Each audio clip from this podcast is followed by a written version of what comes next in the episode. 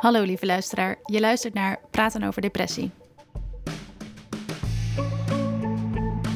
In deze aflevering. Mijn naam is Robert Schroevers, ik ben uh, psychiater. Ik ben ook uh, hoogleraar psychiatrie. Robert Schroevers is onder andere bekend van uh, zijn boek Diagnose Depressie. Ja, dat heb ik gelezen. Het is heel leuk omdat hij daar ook gebruik maakt van een ervaringsdeskundige. Dus hij schrijft wetenschappelijke dingen en zij schrijft over vanuit haar ervaringen. Ja. Uh, hij verschijnt ook regelmatig op televisie. Ja, volgens mij was hij de deskundige bij de depressiequiz op BNN-Vara. Ja. Dus wij zijn naar Groningen uh, gereisd. Niet met jouw auto, want dat kan jouw Ford niet aan. Dus, nou, ik kan het wel aan. Het is alleen heel irritant, heel lang. En ja. veel, veel bijgeluid maakt mijn Ford K. Nee, dat, dat, kan ik bevestigen. dat zullen we voor de luisteraar nog eens opnemen. Um, ja, we een hele rit OV-fietsje gepakt. Ja. En uh, toen waren we, dacht ik, bij de ingang. En toen hebben we denk ik nog een kwartier ja. gelopen. Een enorm gebouw.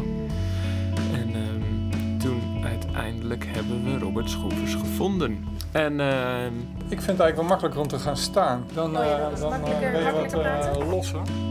Dus het staande interview met Robert Schroevers. Ik ben ook hoogleraar psychiatrie. Dus dat betekent dat ik ook de psychiatrie onderwijs en onderzoek doe. Uh, en ik ben hoofd van de afdeling psychiatrie in het UMCG, waar we ook veel patiënten behandelen met ernstige stoornissen en vaak mensen die niet of onvoldoende zijn opgeknapt op de reguliere behandelingen die we hebben. Ja. En ik zie dan vooral mensen met depressie. En uh, hoe is dat zo gekomen dat jij vooral de mensen met depressie ziet? Um, toen ik in Amsterdam zat, uh, was ik onderdeel van de onderzoekslijn uh, de Pillen en Praten heet dat. Dus daar deden we allerlei onderzoek naar effectiviteit van psychotherapie en effectiviteit van medicatie. Um, en ik ben eigenlijk langzamerhand steeds meer ja, geïnteresseerd geraakt in wat, wat is dat depressie nou precies? Is het meer biologisch? Is het meer psychologisch? En ik denk eigenlijk het is allemaal. Uh, en ja, per patiënt uh, moet je eigenlijk proberen die puzzel te leggen. En als dat goed gaat, kan het voor mensen een enorme betekenis hebben. En hoe zou jij, wat is depressie volgens jou? Ja, depressie, uh, er is een, een, definitie in de DSM en in de leerboeken. De DSM is eigenlijk, is eigenlijk niet een diagnose, is een klassificatie. Hè? Dus daar kan je het turven, een beetje zoals je vroeger met je biologieboekje in de natuur planten ging determineren. Dan wist je nog niet zoveel van die plant. Wist je alleen hoe de blaadjes eruit zagen. Dus ik denk dat je dat met de DSM ook zo zou kunnen zeggen. DSM stelt geen ziektes vast.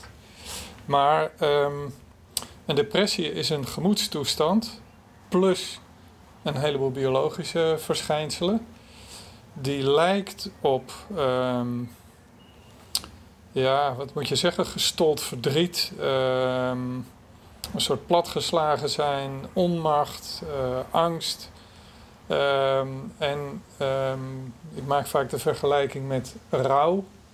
Dus als jij uh, iemand verliest of je je baan kwijtraakt of je, je huis stort in of je gezondheid verliest dan zijn dat hele grote uh, live events. En dan is het volkomen normaal dat je daar verdrietig, boos, uh, nou ja, allerlei uh, vormen van emotionele reactie op hebt. Um, ik denk wel dat depressie kwalitatief anders is dan die gevoelens. Dus die gevoelens kunnen op elkaar lijken.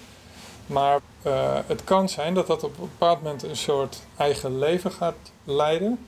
En een beetje losgezongen raakt van die aanleiding. Dat de directe relatie met die aanleiding wat op afstand ja. raakt. Ja. Um, wat normaal is aan een rouwproces, is dat janken misschien ook wel weer een beetje oplucht. Of dat je door je tranen heen ook nog weer een stomme grap kan maken.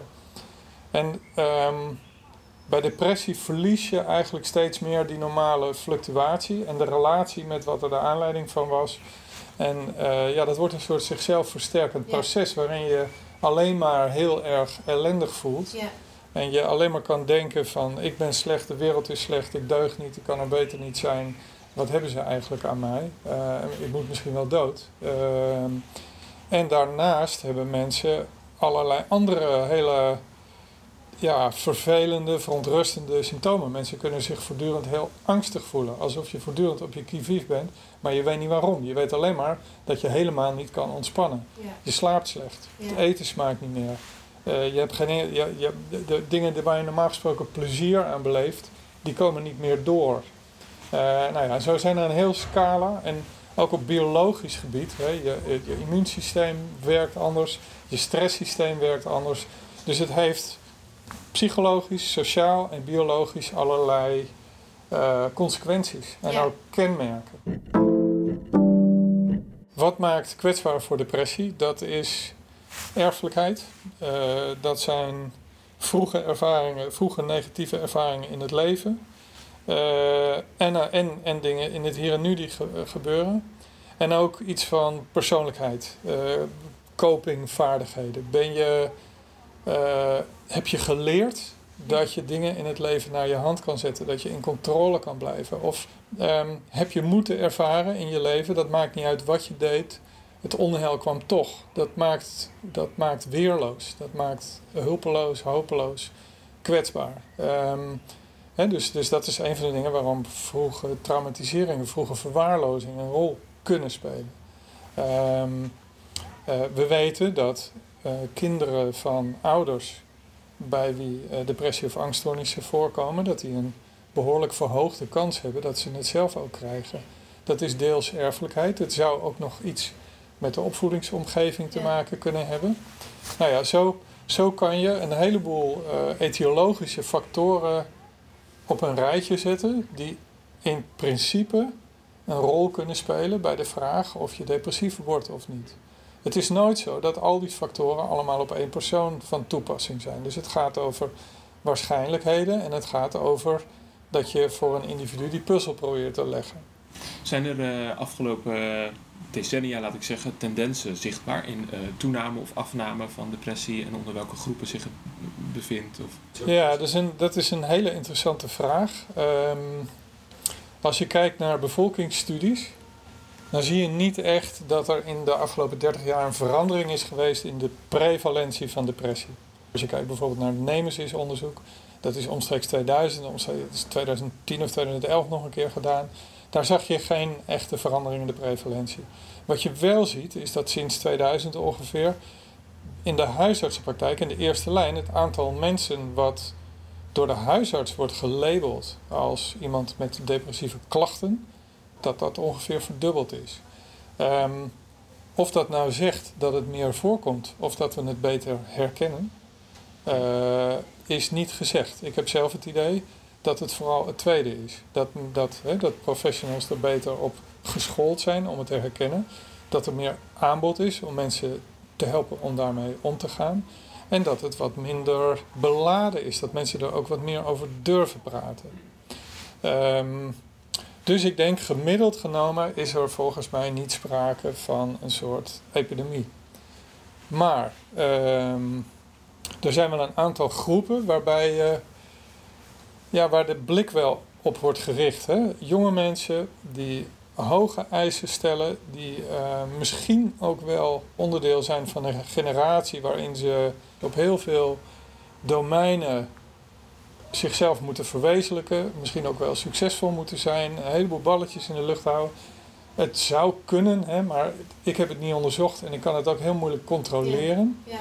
Maar uh, het zou kunnen dat dan de kans op teleurstelling ook wel groter is dan in een generatie die denkt, ja, weet je, de oorlog is net voorbij en uh, we maken er wat van. En dat het tegenvalt, ja, dat is een bootje waar we allemaal in zitten. Hè? Dus, uh, en als het, ik denk dat er wel iets te zeggen is voor het idee dat naarmate het leven meer individualistisch wordt en mensen meer ook als individu het gevoel hebben dat ze moeten excelleren, dat dat ook wel weer kwetsbaarder maakt. Ik denk dus dat, dat die, dit, deze typen van kwetsbaarheid, die zijn denk ik van alle tijden. Ja. En ik denk dat als iemand een echte depressie heeft, hè, dan geloof ik dat, je, dat die behandeling daar uh, niet wezenlijk anders is dan die 10 of 20 of 30 jaar geleden was. Dat geloof ik helemaal niet. Maar zou het inderdaad niet ook dus kunnen dat wij, uh, ik schaar ons even onder die generatie die dus nu meer naar de huisarts gaat vanwege. Ja. Dat we ook minder weerbaar, dat we daar ook niet zo goed mee om kunnen gaan. Wat ook wel natuurlijk gezegd wordt door Dirk de Wachter bijvoorbeeld. Die zegt, ja, we moeten ook gewoon weer leren een beetje ongelukkig te zijn. Nou, Hoe kijk je daar tegenaan? Ja, kijk, ik, de, de, uh, ik, heb, um, ik heb me lang beijverd om uh, het hebben van een psychische stoornis Een stoornis is een rotwoord, maar een psychiatrische diagnose, een psychiatrische ziekte, om dat te normaliseren. Oh ja. Dus een depressie, dat kan je treffen, net als diabetes je kan treffen. En het is goed dat daar gezondheidszorg voor is. En je moet je daar niet voor hoeven schamen. Nee. En eh, je moet ook eh, proberen om ook met die kwetsbaarheid maximaal je leven te leiden. En het is aan ons om je daar zo goed mogelijk bij te helpen. Ja. Wa- Wat is het? 40 jaar geleden eh, durfde ook niemand het woord kanker uit te spreken. Nee. Eh, dan ging het over K en Ja. er een heleboel van dat soort verhalen. Dus er zijn heel veel aandoeningen die in de loop van de tijd meer genormaliseerd zijn geraakt. Ik denk dat dat bij psychische stoornissen ook eigenlijk een behoorlijk eh, ontwikkeling de goede kant op is. Aan de andere kant, eh, en, en dan komt er ook een beetje wat je zegt over Dirk de Wachter. ehm, het hebben van die kwetsbaarheid betekent niet dat je alles van de hulpverlening kunt verwachten. Eh, bedoel, wij kunnen mensen behandelen, we kunnen helpen om symptomen zo veel mogelijk te beperken. We kunnen mensen helpen om allerlei domeinen in het leven weer op een nieuwe manier aan te gaan. Maar ik zeg ook altijd, je moet jezelf ook aan je haren uit het moeras slepen. Want het zijn niet alleen maar die pillen of die psychotherapieën van ons die dat doen. En het is ook zo dat ehm, weerbaarheid, omgaan met verlies, omgaan met sociale ingewikkeldheden. ehm, als je dat een beetje geleerd hebt in je leven, is dat heel fijn. Eh, en ook heel belangrijk. En Ja. ehm, het zou kunnen dat een soort beeld van de toekomst dat het leven op alle niveaus optimaal moet zijn, dat dat ook een enorme last is. Ja. Dus, dus als je wat meer zou accepteren, ja, eh, weet je, eh, shit happens eh, en, en niet alles is optimaal. Maar we maken er het beste van en dan kan het nog steeds heel gezellig zijn. Ja. Ik denk dat, dat, dat daar iets voor te zeggen valt. Maar het gevaar, nu durf ik dat te zeggen, zeg maar. Ik denk 10, 20 jaar geleden, ehm, dan, dan, dan was ik altijd wat behoedzaam. Omdat je dan, je wil niet komen in van, je bent een slappeling Nee. en je moet Nee. het, eh, eh, mensen met een psychische stoornis, die moeten niet zo lopen te zeuren, want eh, doe nou maar een beetje je best en dan komt, dat, gaat, dat is het niet, hè? Nee, want dat wordt, wordt natuurlijk door de mensen zelf genoeg gedacht ook Juist. al. Ja, Juist. Ja. Dus, dus daar zit een, een dunne, dunne lijn in. Ja. En kan je nog iets meer vertellen over hoe je wat je beschrijft van dat, dat, dat kanker dus 40 jaar geleden nog eigenlijk niet besproken werd en dat je diezelfde ontwikkeling ook ziet bij psychische aandoeningen? Want wij, wat wij natuurlijk interessant vinden is het praten over depressie en waarom wordt nog steeds gezegd dat er een taboe op heerst, terwijl er ook heel veel over gaat. Hoe heb je, zie jij dat de afgelopen jaren? Ik denk dat er veel meer openheid is. Je ziet ook dat bekende mensen daar makkelijker wat over zeggen. Hè? Ehm, maar ik zal niet iedere patiënt ook aanraden om alles met collega's en omgeving te gaan bespreken. Je moet er wel over nadenken of je dat wil en wanneer je dat wil. En je moet erover nadenken wat voor reactie je dan krijgt en hoe je daarmee omgaat. Ik zeg niet je moet het niet doen. Nee. Maar je moet je wel realiseren wat je doet en dat je ook daar de grip erop houdt. Ehm, en zou je dat nou ook tegen iemand zeggen met kanker? Ehm, nee, dat denk ik niet, niet meer. Dus ik denk dat in de ontwikkeling naar normaliseren we nog niet zo ver zijn als we met kanker zijn. Nee. Maar dat we wel een heel eind op weg zijn. En eh, bijvoorbeeld, ik vond in dat, eh dat BNN-VARA tv-programma, waar Ja. ik dan als deskundige zat... eh, ja, dat vond ik een hele leuke manier waarop dat panel sprak over wat ze meemaakten. Weet je, Ja. het was aan de ene kant vertelden ze eh, hele serieuze dingen. Maar eh, ze vertelden ook hoe ze ermee omgingen. Ze maakten er ook grappen over. En daarmee wordt het iets gewoners. Ja. Het, is, het is kloten als je dat meemaakt. Het is een enorme worsteling. Je weet niet wat je overkomt. Je denkt dat, je, dat de wereld beter af is zonder jou. Maar er is ook licht Ja. op het eind van de tunnel. En je kunt er ook... Je kan er zelfs schijntjes over maken onderling. Ja. Eh, en ik vond dat een plezierige, want niet zo zware benadering. En ik denk dat je daar, daar moet het volgens mij heen. Ja. Dat het gewoon, ja, het is shit. Ik bedoel, Ja. dat gaat niemand ontkennen. Nee. Hè? Eh, een, een depressie is gewoon heel naar om mee te maken. En heel ingrijpend. Eh, maar je, het is niet jouw schuld. Nee. En het is ook niet een vonnis voor de rest van je leven. Nee. Je Nou ja. kunt weer beter worden. Ja, de, kijk, wij zijn heel erg geïnteresseerd in de dynamiek tussen de samenleving en het individu met een depressie. Ja. En tot nu toe hebben we volgens mij veel mensen gesproken die focussen op de samenleving, wat ik ook heel logisch vind. En ik hoor jou eigenlijk veel meer spreken over nou ja, verantwoordelijkheid of de, de controle de terugnemen. Ja, de mogelijkheden die een patiënt zelf heeft om in gesprek te gaan over zijn depressie. Ja, weet je, de samenleving bestaat niet. Dat is een, dat is een onzichtbare vijand of vriend. Eh, wij worden allemaal gevormd door de wereld waarin we leven. En eh, inclusief ideaalbeelden en, en dingen die nastrevenswaardig zijn. Maar het is van alle tijden dat je probeert eh, eh, om te kijken hoe je je daartoe verhoudt. In hoeverre wil je je hele leven laten leiden door de sociale normen waar je je in bevindt. Dat is in Saudi-Arabië zo, dat is in Nederland zo, dat is overal zo. Ehm, en de kern, het enige stuur wat je hebt, dat heb je in je eigen handen.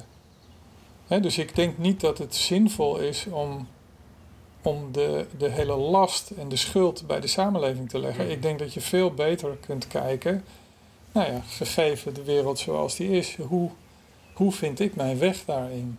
Maar er zit dus zowel een verantwoordelijkheid bij en bij individu om de voorwaarden goed te scheppen. Ja, je moet zelf wat doen, maar je moet ook de kansen krijgen om, om, Om zelf wat te doen. ja, ja. om jezelf te verwezenlijken. Ja.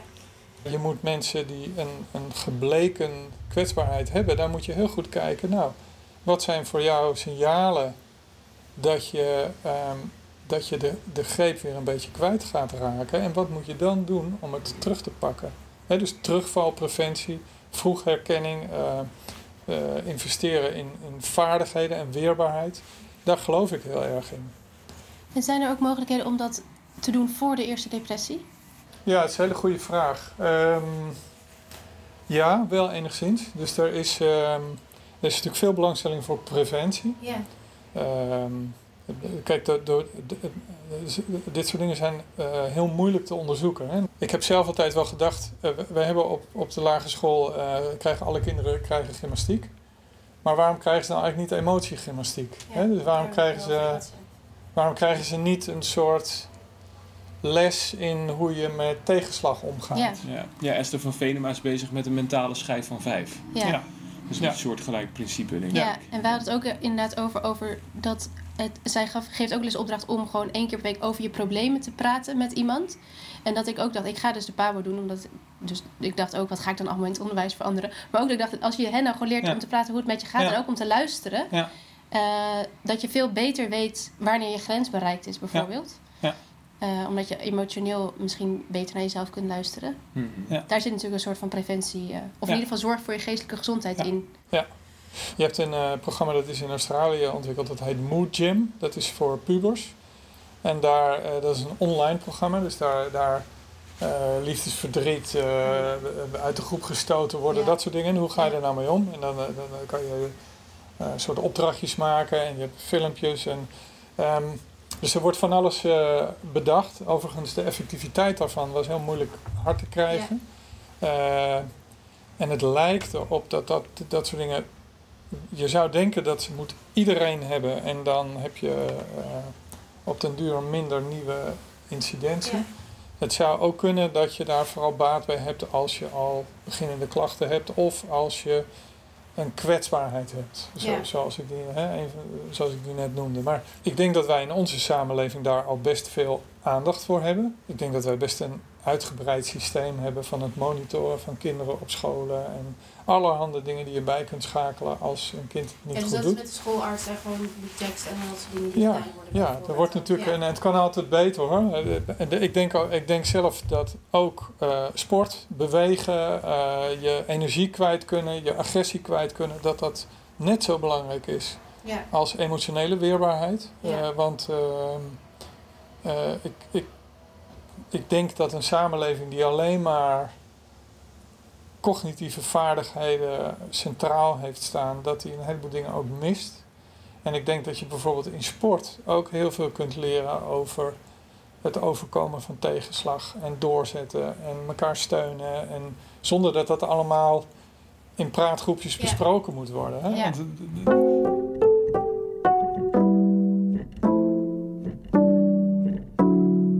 het lijkt mij gewoon, kan ik me voorstellen, heel lastig om te spreken over hoe we een, een eh, medisch systeem of zo in moeten richten, terwijl al die gevallen zo individueel zijn. Kun je er iets over zeggen hoe je, hoe je daarmee omgaat? Ehm, ik denk dat we daar in Nederland uh, behoorlijk goede protocollen voor hebben. Hè? Dus we hebben een soort stepped care model, waarin je, dat je zorg stapsgewijs aanbiedt, afhankelijk van de ernst van de klachten. Maar um, je, je moet wel altijd naar het individu blijven kijken. Maar wij hebben het denk ik redelijk in het systeem opgelijnd in Nederland. Damian Denise zegt, ja, er, gaan, er komen veel te veel mensen in de zorg die milde depressies hebben, terwijl het moeten zijn voor de zware depressies. Hoe kijk je daar tegenaan? Ik vind dat moeilijk om te zeggen. Ik denk dat we in Nederland uh, heel veel capaciteit hebben voor GGZ. Uh, ook weer, ik denk dat er bijna geen land is wat per hoofd van de bevolking zo'n budget heeft uitgegeven. Maar ik vind het wel een. Ik vind wel dat we van tijd tot tijd moeten kijken van um, uh, behandelen we uh, de juiste mensen voldoende intensief. En uh, ik denk dat je het, het waar het het meest lastig is, is in het grijze gebied tussen.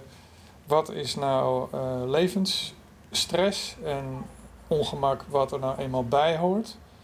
En waar wordt het ziekte? En ja. naarmate uh, het meer duidelijk ziekte en uitval en uh, chroniciteit, et cetera, is, wordt het makkelijker om ja. te bedenken dat daar gezondheidszorg voor nodig is. Ja.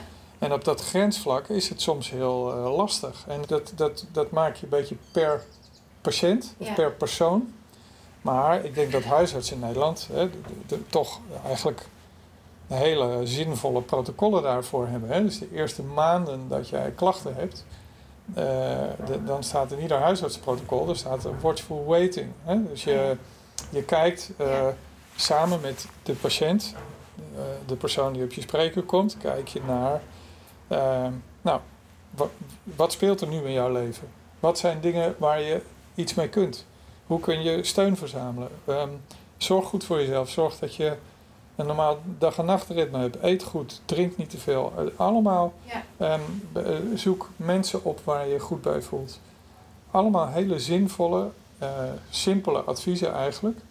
Die heel functioneel kunnen zijn om door een moeilijke fase heen te gaan. Dan kan je dus een, denk ik een hoop mensen afvangen. Maar als iemand uh, heel erg suicidaal is of helemaal niet meer eet, dan moet, je, dan moet je heel snel iets anders doen. En als iemand het al eerder gehad heeft en alle, alle, alle tekenen wijzen erop dat het weer aan het terugkomt, dan moet, je, dan moet je ook wat anders doen. Dus je moet het toch heel individueel bekijken. Ja, dat was inderdaad bij mijn psycholoog, mijn eerste psycholoog, die zei: Oh ja, nu kan ik je, nu, moet, nu verwijs ik je door naar de GGZ. Uh, want dit kan dus, dus je hebt andere hulp nodig. Uh, maar, en dat is voor jou ook het beste en voor mij. Uh, en dat, dat ik denk, oh ja, nu val ik dus in een andere categorie wat jij niet meer kan. Dus blijkbaar was ik te, werd de depressie te erg. Maar dus die was best wel, dat was inderdaad, nu kan ik jou niet meer helpen. Volgens mijn protocollen kan ik het niet meer doen. Ja. Dus verwijs ik je uh, nu door. Ja, dat vond je dus... Ja, wel dat ik dacht, oh, dan is het echt heel erg. en dan ben ik er nog, ik hoopte dat ik eraf zou zijn, maar dat was natuurlijk helemaal niet zo. Mm -hmm. Maar wel dat ze me daarmee dus serieus nam. En zo ja. toegaf, ja, dan bij mij, we kunnen het wel heel leuk met elkaar vinden. Maar hier houdt het, uh, kan ik je niet meer het beste helpen. Nou ja, dat is wel goed, denk ik. Ja. Want als hij nog een jaar door was gegaan... Dan had ik er ook nog steeds gezeten.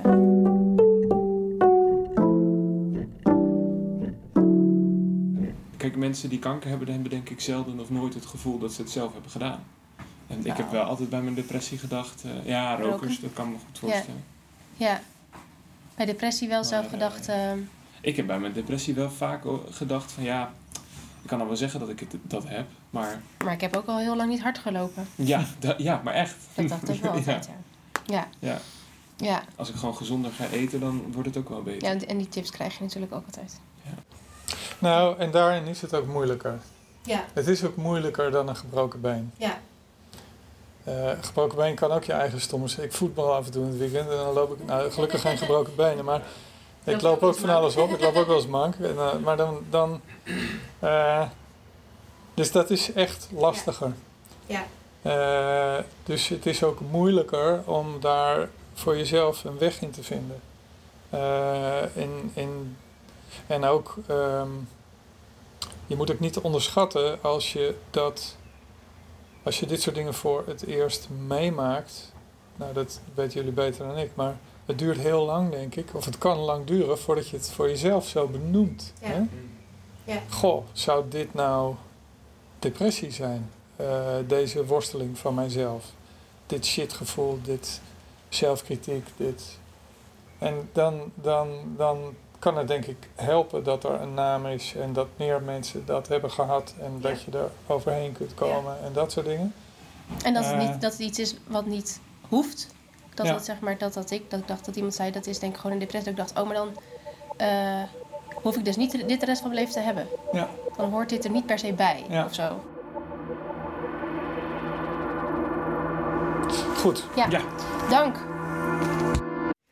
Ehm, wat wij altijd doen als we een interview hebben gehad, dan eh, gaan we het eh, hele gesprek transcriberen. Of eigenlijk, Dat jij, doe ik. Jij doet dat.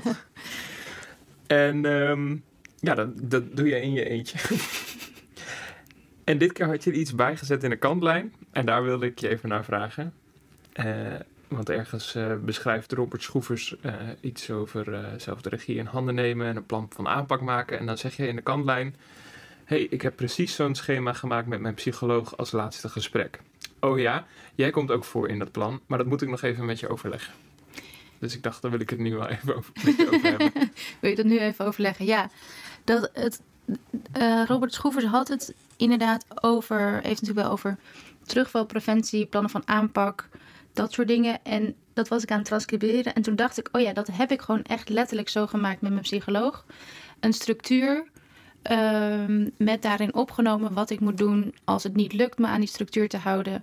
Wat zijn de tekenen dat, ik me, dat het niet goed gaat en allemaal dat soort dingen.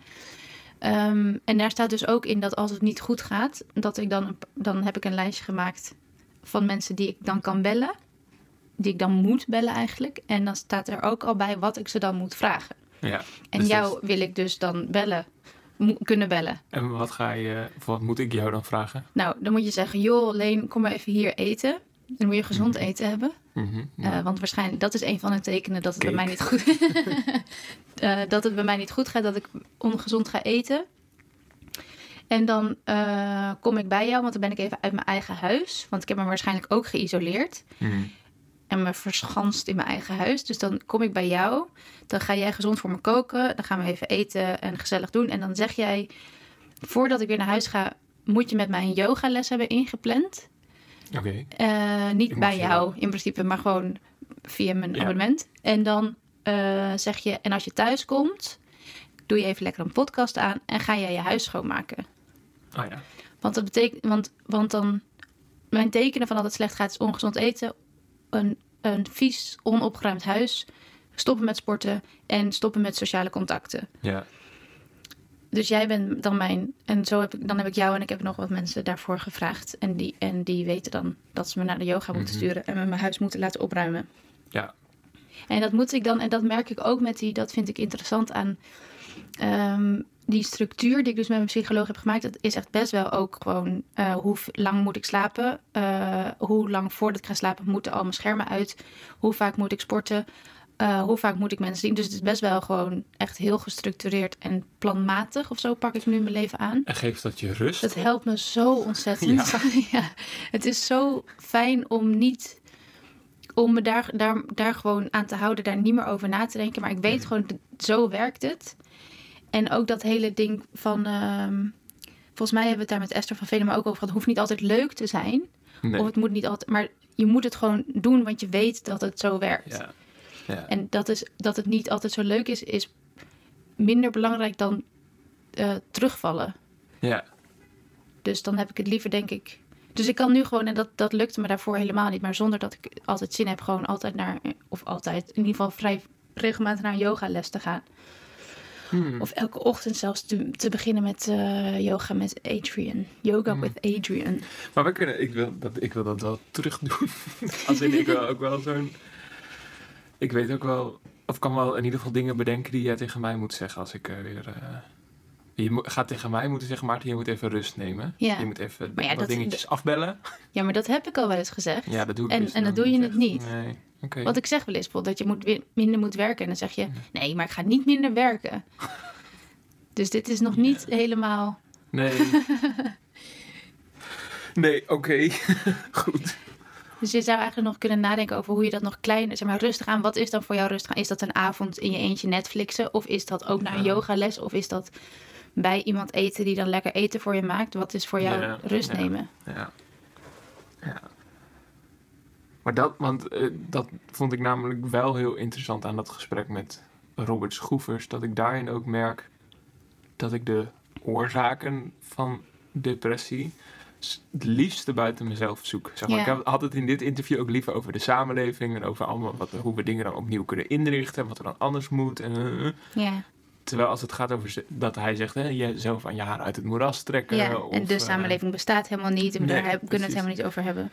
Ja, en dan, dat, dat, eigenlijk doe ik dan weer hetzelfde als wat ik bij Esther van Venema ook deed. Dat ik denk, oh, ik wil het dan over de taboe hebben of over de samenleving. En het- op het moment dat het dan over depressie zelf gaat en over wat ik moet doen of kan doen, dat vind ik echt helemaal niet een Nee. leuk gesprek. Veel moeilijker om te voeren. En, en kan je ook bedenken waar dat van komt? Of daar woorden aan geven?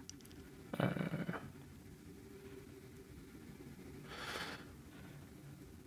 nou,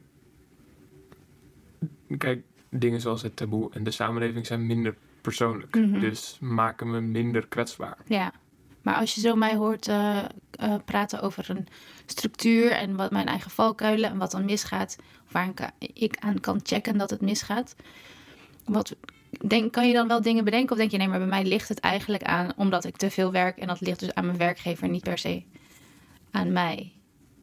Hoe Snap je dat? mijn vraag? Nee, ik snap Nee. vraag niet. Nou ja, nee, misschien vraag ik me gewoon wel af wat je ervan vindt. Dat je de oorzaken buiten jezelf zoekt. En, en in dit gesprek met Robert Schroevers zegt best wel veel eigen regie nemen, zelf aan de knoppen gaan zitten. Ja, maar het is gewoon iets waar ik in deze gesprekken achter aan het komen ben. En nu dus denk, oké, maar hoe eh, neem je dan zelf regie? En dat is dan bijvoorbeeld een bel, eh, een, be- een belboom. Waar je je slecht voelt. Dat, zo mijn vrienden het aan elkaar door. Heb je het gehoord van Maarten? Ja, het ja. gaat, ja, je moet hem even... We zetten het belschema in werking, jongens. Ja. Nee, maar... ehm, ja, ik weet het nog niet. Ja, eh, ja... Eh, Ik heb Je vindt het ook gewoon helemaal niet leuk. Je Nee, vindt- het is gewoon niet leuk om dan dat je denkt, oh, ehm, zeg maar, een podcast maken over depressie vind ik allemaal wel leuk om te doen. Maar als het o- gaat over dat ik me slecht voel, dat deel is gewoon veel minder leuk. Snap je? Ik, heb, ik wil deze podcast maken voor de mensen. En Ja. dat het daar iets goeds voor doet. Ja. Maar ja, Maar voor mezelf vind ik dan, wel, ja. maar dat is niet... De, de podcast heet Praten over depressie. Ja, En het hele concept hiervan is dat wij praten over onze depressie. En jij niet, dan mag je niet verschuilen om alleen maar over de samenleving te praten. nee.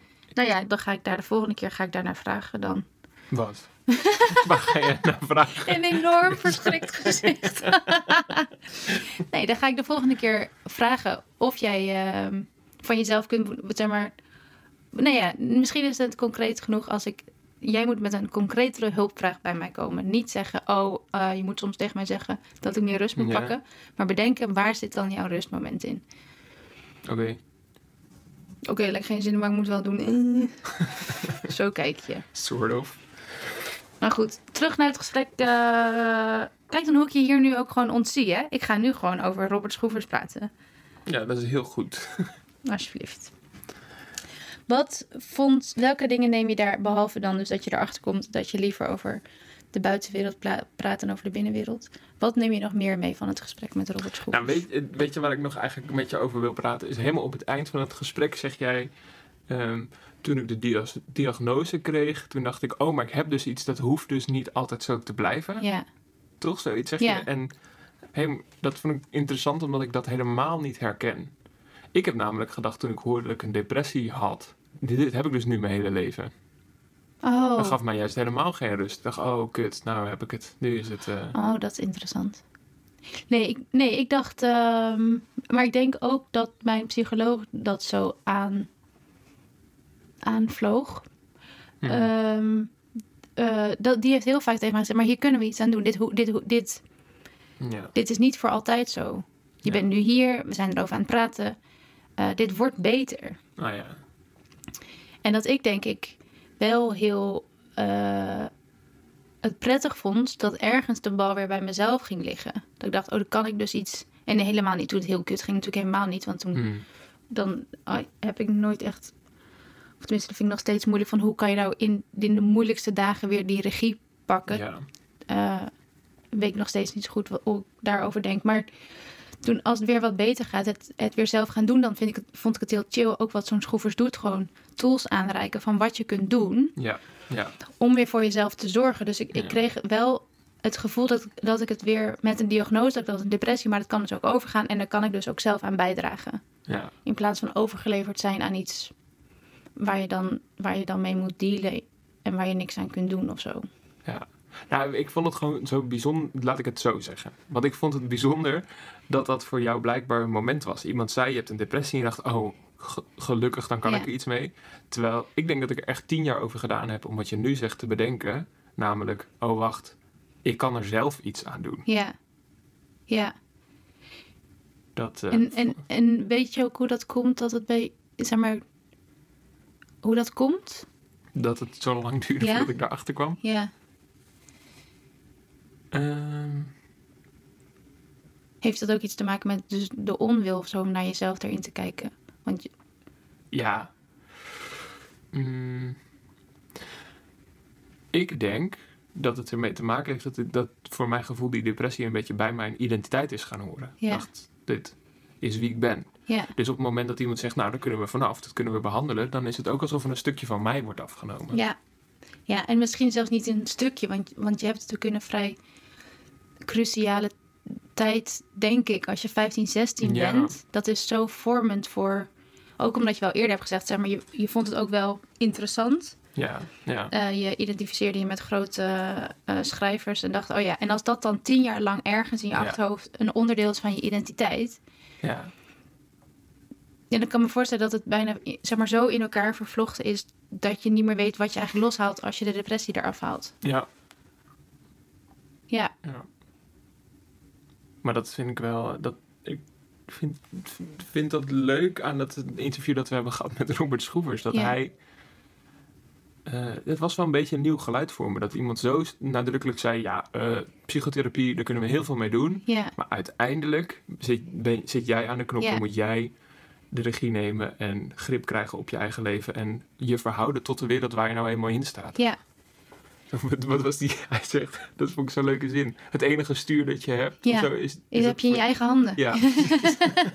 dat is echt ja, een one-liner voor het leven. ja. Ja, en dan is het natuurlijk nog wel, waar we het eerder ook wel over gehad hebben, moeilijk om te bedenken eh, vanaf wanneer je dat stuur binnen een depressie weer in je eigen handen kunt hebben. Ja, Want ik denk ook echt dat er een tijd is dat dat er gewoon niet is. En Ja. dat je dat misschien ook wel niet zo wil of kunt horen. Nee. Ehm, en dat daardoor dus het praten over depressie wel weer moeilijk maakt. Want, want zo'n Robert kan dat tegen je zeggen. Maar als je het niet wil horen of je bent er niet, of dat lukt, zit zo ver buiten je scope of zo, dan is dat denk ik heel ingewikkeld om er op die manier over te praten. Maar ja, ik ben, ben, er, ben er ook wel blij mee dat hij het zegt. En Ja. ik ben ook wel blij met wat hij. Hij was sowieso best wel positief over het taboe. Eh, namelijk de ontwikkeling daarvan. Dat dat, dat het echt wel al de goede kant op gaat. En hij was ook heel blij met het gezondheidsstelsel of systeem wat we in Nederland hebben. Dus hij, dat vond ik wel tof aan hem. Dat, dat hij niet alleen maar zei: oh ja, geestelijke gezondheidszorg, het is ook allemaal taboe en het is ook allemaal moeilijk. Dat zegt: nee, het gaat echt heel goed. We Ja. mogen dankbaar zijn dat we in Nederland wonen. Er zitten hele goede dingen aan. En er kan Ja. nog wel wat verbeterd worden. Ja, Vond ik een prettige manier van er naar kijken. ja, En ik vond het prettig wat hij zei over ehm, toen hij begon over depressie en over wat het is. Dat hij rouw noemde. Want dat is Mm. natuurlijk voor mij mijn aanleiding. Of ehm, dat, dat het, mijn depressie voortkwam uit een periode van rouw om mijn vader. En ik dacht, oh ja, dus het is toch weer een bevestiging van het klopt dat ik een depressie, een depressie heb gehad. Mijn eeuwige, eeuwige vraag. En dat hij eh, begon over millennials. Dat hij ook nog wel Mhm. zei van ja, de jonge mensen van nu, zei die, die hebben ook veel hoog te houden. Die hebben ook de neiging om goed enorm te willen presteren. Dus ik dacht, oh ja, ik, ik herken me in beide. ja. Dus het is weer, Ja. het is weer gelegitimeerd dat Ja. ik een depressie heb gehad. ja, ja. Ja. En ik eh, dacht nog, ehm, hij had het over eh, onderzoeken en die eeuwige vraag van, ehm, zijn er nou echt meer mensen met een depressie dan vroeger? Dat ik dacht, we moeten nog maar even naar een echte onderzoeker.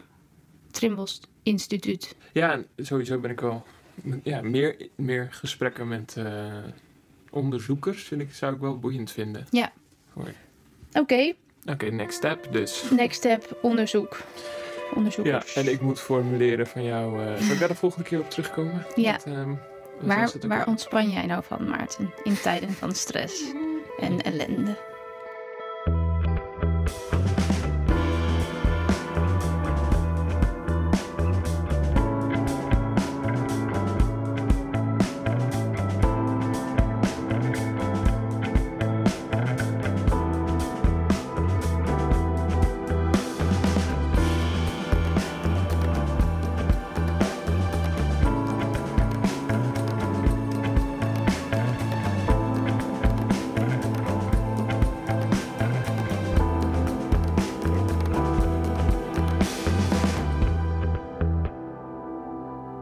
Denk jij aan zelfmoord of ben je bezorgd om iemand en heb je direct hulp nodig? Bel 0900 113 of ga naar de chat op 113.nl.